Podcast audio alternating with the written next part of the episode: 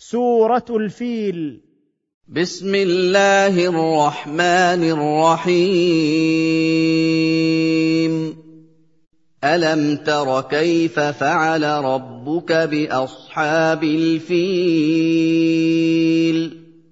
ألم تعلم أيها الرسول كيف فعل ربك بأصحاب الفيل؟ أبرهة الحبشي وجيشه الذين أرادوا تدمير الكعبة المباركة. الم يجعل كيدهم في تضليل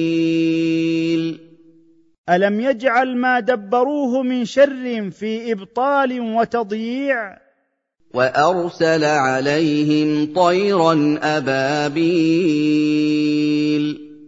وبعث عليهم طيرا في جماعات متتابعه تقذفهم بحجاره من طين متحجر ترميهم بحجارة من سجيل.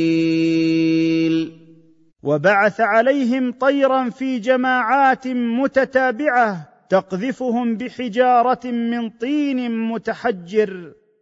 فجعلهم كعصف مأكول.